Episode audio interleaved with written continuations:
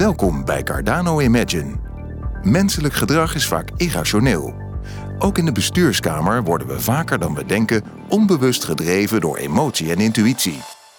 In een serie inspirerende podcasts laten we horen welke ingrijpende gevolgen dit kan hebben en hoe we onze besluitvorming kunnen verbeteren. We denken van onszelf misschien dat we onze beslissingen nemen met een open mind. Alle informatie objectief afwegen en zo tot de juiste beslissing komen. Maar zo open is onze mind vaak niet. Zonder het zelf te beseffen kijken we bevooroordeeld naar de wereld. Onze opvattingen zorgen ervoor dat we informatie filteren. De meest duidelijke voorbeelden van mensen die informatie selecteren op wat ze zelf geloven zijn complotdenkers. Zoals degene die denken dat de aanslagen op de Twin Towers in New York het werk waren van de Amerikaanse overheid zelf, of toch in ieder geval van de geheime diensten. Alle informatie die daarop kan wijzen, krijgt zware nadruk. Het liefst met de toevoeging dat die afkomstig is van deskundigen. According to official government reports, the fires weakened the structural steel framing of both twin towers, leading to sudden, progressive, and total collapses. Unknown to most people, a third steel frame high rise, World Trade Center 7, was also destroyed. Critical questions have been raised by more than 1,500 architects and engineers about the official explanations for the destruction of all three of these buildings. Along with more than 10,000 other concerned individuals, these professionals, collectively comprising more than 25,000 years of experience, have signed our petition. They're calling for a new investigation into the destruction of these three World Trade Center high rises. This call is based on evidence that reveals a very different destruction scenario than reported by government engineers. Een ander voorbeeld zijn de antifaxers, de mensen die tegen het vaccineren van jonge kinderen zijn. Artsen en het Rijksinstituut voor Volksgezondheid en Milieu waarschuwen dat het gevaarlijk is dat een groeiende groep kinderen niet is ingeënt. Een ziekte als de mazelen komt weer terug, met doden als gevolg. Maar de antifaxers denken dat deze deskundigen een agenda hebben, dat de farmaceutische industrie erachter zit.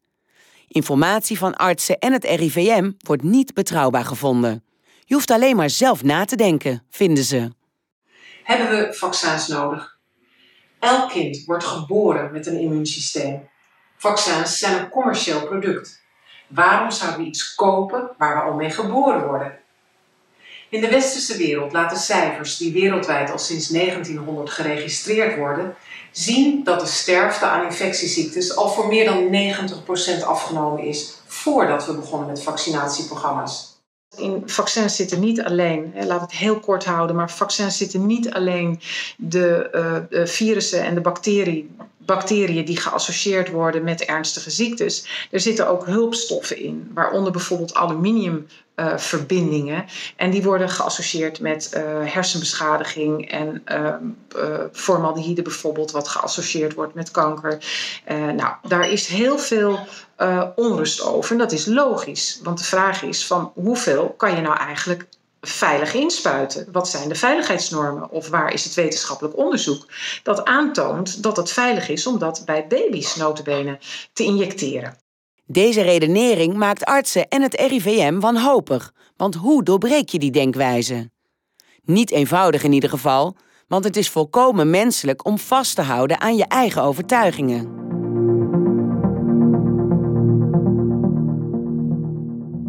De Argentijnse neurowetenschapper Mariano Ziekman legt uit dat het niet zo is dat complotdenkers dom zijn. Ook zij verwerken nieuwe informatie, redeneren, maken afwegingen en nemen op basis daarvan besluiten. People that decide that think that they do not have to vaccine, it's not like they're illogical. They're logical on wrong premises.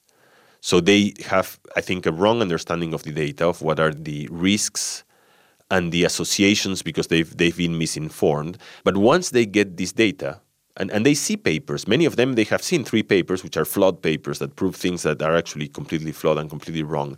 But once they've seen that, they make the right inferences and the right conclusions. And so this is why they are so convinced. It's not like they're convinced because they saw a light that told them that they, you know they should not give vaccines. They they have data, they have evidence. They're reasoning using the same mechanisms that the people that actually think that it's absurd not to vaccinate people in these days. But they build on the wrong premises. So I, I think, I mean, this may seem just like pushing the problem. You know, it's like it is the same but you're just pushing it a little bit away by saying they start with, it, with, the, with the wrong premises. But I think there's an importance to this because it explains that, first, I think it, it may explain one paradox, which is why reasonable people, which before one of these fractures would more or less have similar opinions about things and again similar education similar background similar genes similar educational histories eventually can come up with completely completely different views about the same problem and the second thing is that you begin to understand why people are so confident about these things. They're confident because they have a, a line of reasoning that gives a sense of, of truth and a sense of, of validity to the conclusions that they are making. Management-expert Margaret Heffernan heeft veel gepubliceerd over groepsdynamiek. Van Heffernan komt de term willful blindness. Een situatie waarin groepen bewust de feiten niet onder ogen willen zien, maar vasthouden aan eigen dominante mentale modellen. Zo star dat het kan leiden tot desastreuze besluiten. Besluiten die ze als individu wellicht niet hadden genomen. Well, that's the heart of the question. And you put your finger on something really important, which is it was very easy in the middle of the banking crisis to say these are all deeply evil people. And I thought that cannot be true in the same way that in the Second World War, it cannot be true that every single member of the German population was a deeply rooted fascist. I just didn't buy that. So I was interested in what leads us so astray. And I guess, you know, I identified a whole cluster of things which I think are nested, which is to say they're interconnected. You know, one is bias, one is mental models, one is the cognitive limits of our mind, which is we simply cannot take in everything. One is organizational silence. You know, you always have things in organizations that need saying that aren't said. We know that people are obedient. We know that they're conformist. We know that they are predisposed to be bystanders. And we also know that money and power really change the way that people think. And I think all of these things interoperate. And when they all kind of come together, you have very profound willful blindness. Maar hoe werkt dat dan in ons brein? Volgens neurowetenschapper Mariano Ziekman maakt het brein het zichzelf eigenlijk gewoon gemakkelijk. Want dat heeft geen zin in informatie die niet matcht. Al helemaal niet net op het moment dat je dacht dat je het zo mooi had geordend. When you build models, these models need to be consistent. If there is a, failure, a big crack, something that doesn't work in the model, then there's like an alarm signal saying the model is wrong. When you get alarm signals, you, you can act on two different ways. You can really disregard your model, or you can disregard the evidence. And because we tend to be, and this seems to be something which is very idiosyncratic of what we are as humans and the way we reason and the way we think, very keen to our models, we often, and I think this is one of the most common and abundant illusions, is we tend to either forget the, the weakness of the evidence when this should be clear, or the other way around. Sometimes we forget that the evidence is, is very heavily saying that the model is wrong, just to be able to stick to the models that we have conceived about reality. Ook de financiële wereld wordt gedomineerd door een dominant mentaal model dat de basis vormt voor een krachtig verhaal. Dat verhaal is zo krachtig en overtuigend geworden dat de aanhangers te vergelijken zijn met gelovigen. Ook zij zijn vaak willful blind voor feiten die dat verhaal ondermijnen, stelt Stefan Lundberg van Cardano. The big narrative in the financial world is the neoclassical economic theory. In the long run, equities always outperform bonds. and that there's a sort of risk premium you're going to get for holding equity longer term. And that equity prices will always mean revert to sort of an average return. But if that doesn't happen, we're going to end up having constructed the wrong portfolios. And the interesting part, when we look at reality, if we look at the world, it doesn't fit the neoclassical model. So we have a problem here where the model doesn't fit reality. And then we make bad decisions. If everybody believe in this model and everybody cherish it, we end up in something like groupthink. We need to start thinking is the foundation behind this story solid enough? Modern economy realized that this doesn't hold, so we have to look further and use other models and more models to get a better understanding of how the world works. Because a narrative is just an approximation of the world, it's not the real world.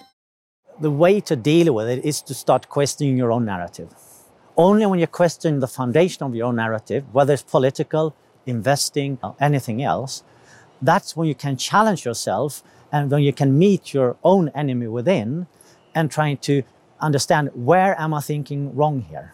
So you have to be very humble and you need to have people with diversity in thinking to have a discussion. Disagreement is a very good thing because it leads to creative destruction and that what brings us forward.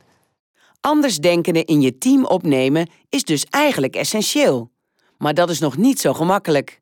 Het voelt nog eenmaal lekker als alle neuzen dezelfde kant op staan, zegt ook Margaret Heffernan. Because almost all human conversation, the first phase of it is what do we have in common? Right? The first time you and I met, what do we have in common? I used to live in Holland. I love Holland. Now we have something in common. We feel much closer to each other. But actually, the value we have for each other is everything you know that I don't, and everything that I know that you don't. And if we come to feel comfortable with that and recognize its value, that I think becomes a pretty powerful defense against groupthink. In de nieuwste editie van ons magazine Imagine besteden we heel veel aandacht aan hoe ons brein werkt. Hoe we ons kunnen wapenen tegen irrationaliteit en groepsdenken en hoe we betere beslissingen kunnen nemen. Een baanbrekende must-read voor de pensioensector. Vraag hem kosteloos aan op cardano.nl. Deze podcast werd je aangeboden door Cardano.